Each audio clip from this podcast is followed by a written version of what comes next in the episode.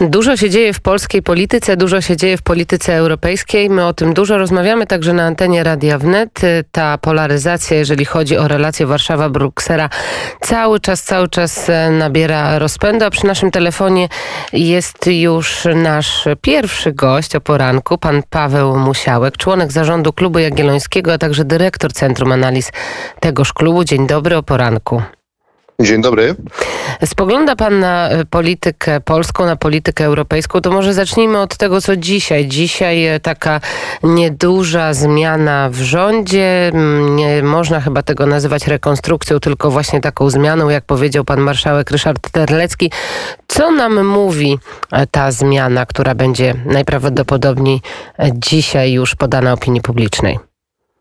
E, no wolałbym poczekać, aż oficjalnie to, e, e, co będzie podane, bo trudno mi komentować coś, co jedziesz abstrakcyjnie. To musiały, przepraszam szczerze, musiały pani mi rozjaśnić, co pani ma na myśli, bo nawet nie wiem, czy chodzi o rekonstrukcję rządu, czy o coś innego. Tak, o rekonstrukcję rządu, o to, że jednak swoje wpływy znacznie zaczyna zyskiwać pani premier Beata Szydło, a troszkę słabnie chyba rola pana premiera Mateusza Morawieckiego. Nie odnosi pan takiego wrażenia? Myślę, że coś może być na rzeczy, aczkolwiek yy, trudno powiedzieć, w jakim zakresie faktycznie te wpływy premiera spadną. Na pewno premier się musiał bardziej posunąć na rzecz yy, tej ekipy posłów związanych, yy, związanych z Adamem Bielanem, dlatego że no to Bielan wykonał tej polityczną pracę dość ważną dla PiSu, to znaczy pozyskał wielu posłów, którzy byli związani z Jarosławem Gowinem, no i naturalnie oczekuje też stanowisk. Niektóre y, decyzje nie wynikają tutaj z uszczuplenia wpływów Morawieckiego, na przykład mm, dymisja ministra Kurtyki. Y, minister akurat już dawno no, sygnalizował, że chciałby, tak powiem, zmienić e, pracę, więc to nie jest efektem tylko e, uszczuplających się wpływów premiera, ale, ale też innych uwarunkowań. Także, także mimo wszystko, mimo że to mamy taki pakiet zmian przeprowadzonych w tym, w tym momencie, to nie wszystkie one wynikają, można powiedzieć, z jednej logiki. Chociaż ja się zgadzam z tym, że, że premier Morawiecki akurat no, te, te, tych wpływów troszkę stracił. No, wydaje mi się, że najbardziej istotnym takim przejawem tego uszczuplenia są spadające wpływy w sektorze bankowym i to, że e, została zdymisjonowana, e, zdymisjonowany jakiś czas temu no, przyjaciel Mateusza Morawieckiego Zbigniew Jagieło, który był prezesem PKO BP, e, Później też został zdymisjonowany prezes Rościszewski, który też był związany z Morawieckim, który był zastępcą, zastępcą Jagieły. Także widzimy, że ten, tam ta rywalizacja jest dość, dość mocna. Natomiast też pytanie, na ile faktycznie te wpływy zyska Beata Szydło. Mam takie wrażenie, że od paru lat Beata Szydło od czasu, kiedy przestała być premierem, to e, te wpływy, e, te wpływy nie, one nie są duże i e, też ta obecność w Europarlamencie daleko od Polski, choć pewnie oczywiście często do Polski, to jednak to, jednak to obecność w Europarlamencie nie, nie pozwala tutaj na miejscu pilnować swoich interesów wszystkich tak jakby się, tak jakby się chciało. To nie jest przypadek Baty Szydło. W związku z tym ja bym tutaj nie postawił takiej tezy, że mamy jakiś cichy, e, cichy wzrost poparcia, który może prowadzić na przykład do tego, że Beata Szydło odzyska fotel premiera. Raczej na coś takiego bym, taki scenariusz bym nie obstawiał. To ta lokalna polityka wygląda tak według Pana, a teraz przenieśmy się do Brukseli, a bardziej do tego, co powiedział wczoraj pan premier Mateusz Morawiecki w Financial Times. Jak wiemy, bardzo głośno komentowany wywiad. Pan y, premier Morawiecki zapowiedział, że będzie mm, bronił stanowiska polskiego rządu, jeśli Komisja Europejska rozpocznie trzecią wojnę światową, wstrzymując fundusze. Czy to nie za ostre słowa wypowiedziane przez pana y, premiera Mateusza Morawieckiego? I druga sprawa, jak my e, chcemy tego stanowiska bronić? Jak jakie mamy instrumenty do tego?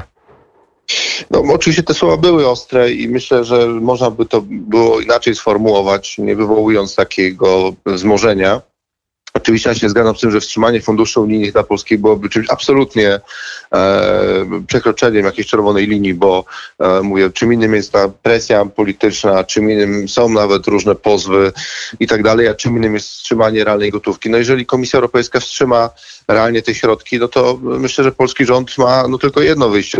To znaczy pamiętajmy o tym, że decyzje kluczowe w Unii Europejskiej są podejmowane na szczytach Rady Europejskiej, gdzie wymaga nas jednomyślność. No i myślę, że tutaj będzie bardzo prosta reakcja, czyli po prostu lista spraw, które Prawo i Sprawiedliwość będzie, nasz polski rząd będzie po prostu blokować na poziomie unijnym. No i Komisja Europejska musi się liczyć z tym, że po prostu bardzo wielu spraw nie uda się popchnąć, jeżeli, e, jeżeli Polska będzie taką, taką strategię utrzymywała. Oczywiście to oznacza nieprawdopodobne zamieszanie w Unii Europejskiej, bo do tej pory nie mieliśmy takiego, e, takiej sytuacji. Myślę, że, że to będzie już poruszało e, niebo i ziemię, dlatego że do tej pory ten spór między Polską a Brukselą, on był oczywiście obserwowany, komentowany przez różne państwa, natomiast na tych państwa bezpośrednio nie wpływał.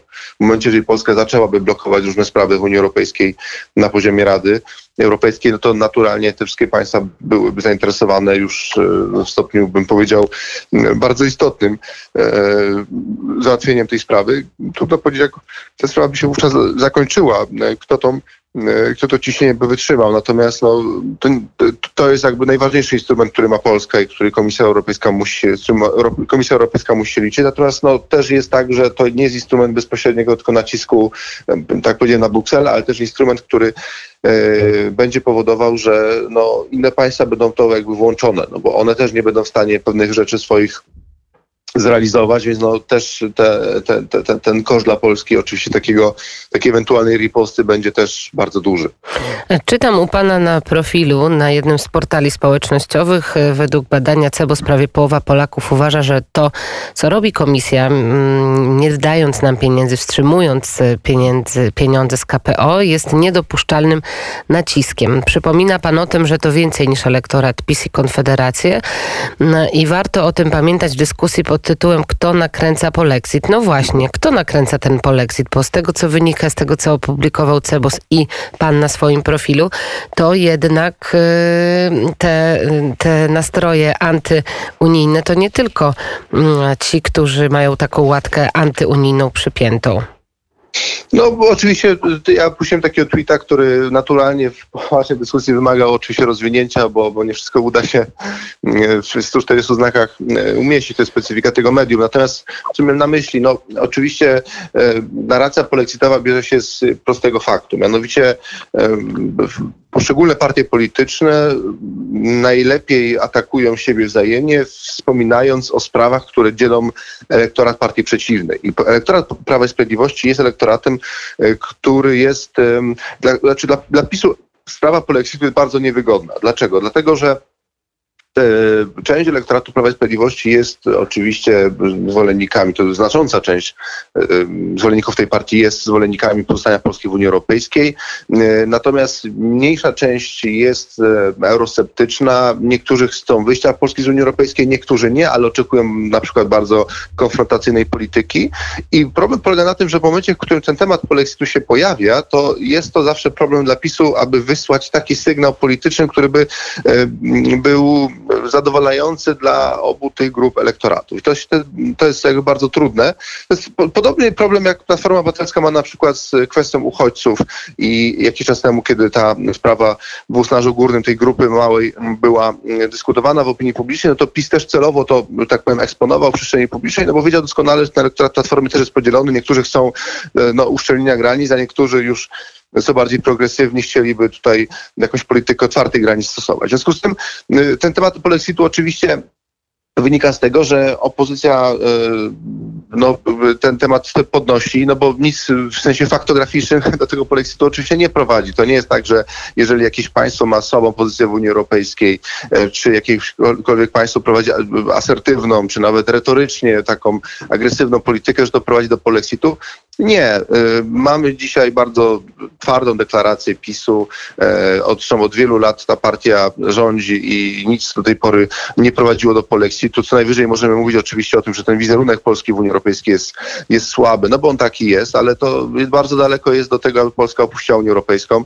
Unia się nie opuszcza w ten sposób, że ktoś chce z dnia na dzień Polskę wyrzucić, albo że Polska z dnia na dzień taki, e, ktoś tam coś chlapnie i już taki proces się dokonuje. No ale mówię, opozycja wykorzystuje naturalnie to, że PiS ma problemy wizerunkowe y, i e, no bo wie doskonale, że hasło pod tytułem e, pozycja Polski w Unii jest słaba, ono, ono nie oddziałuje na opinię publiczną w taki sposób jak Polexit, który jest jednak czymś, co już odpala pewne, pewne, pewne lęki.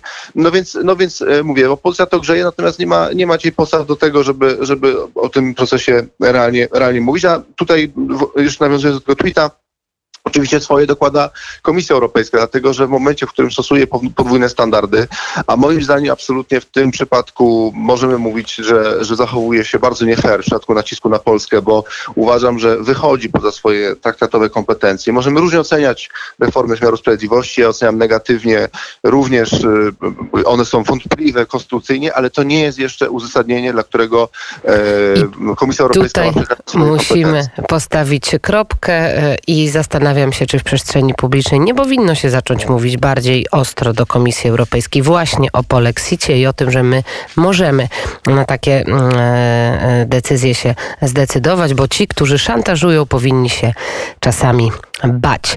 E, Pan Paweł Musiałek, członek zarządu Klubu Jagiellońskiego, bardzo dziękuję za ten głos. Dziękuję bardzo. A Godzina 7.31. Ja już widzę, że nasz gość czeka, ale żeby milej nam było wspólnie poczekać na tego gościa, to e, może James Brown albo nie. Patrzę na listę Brigitte Bardot i polecamy oczywiście najnowszy e, film Lecha Majewskiego, który właśnie o tej postaci mówi.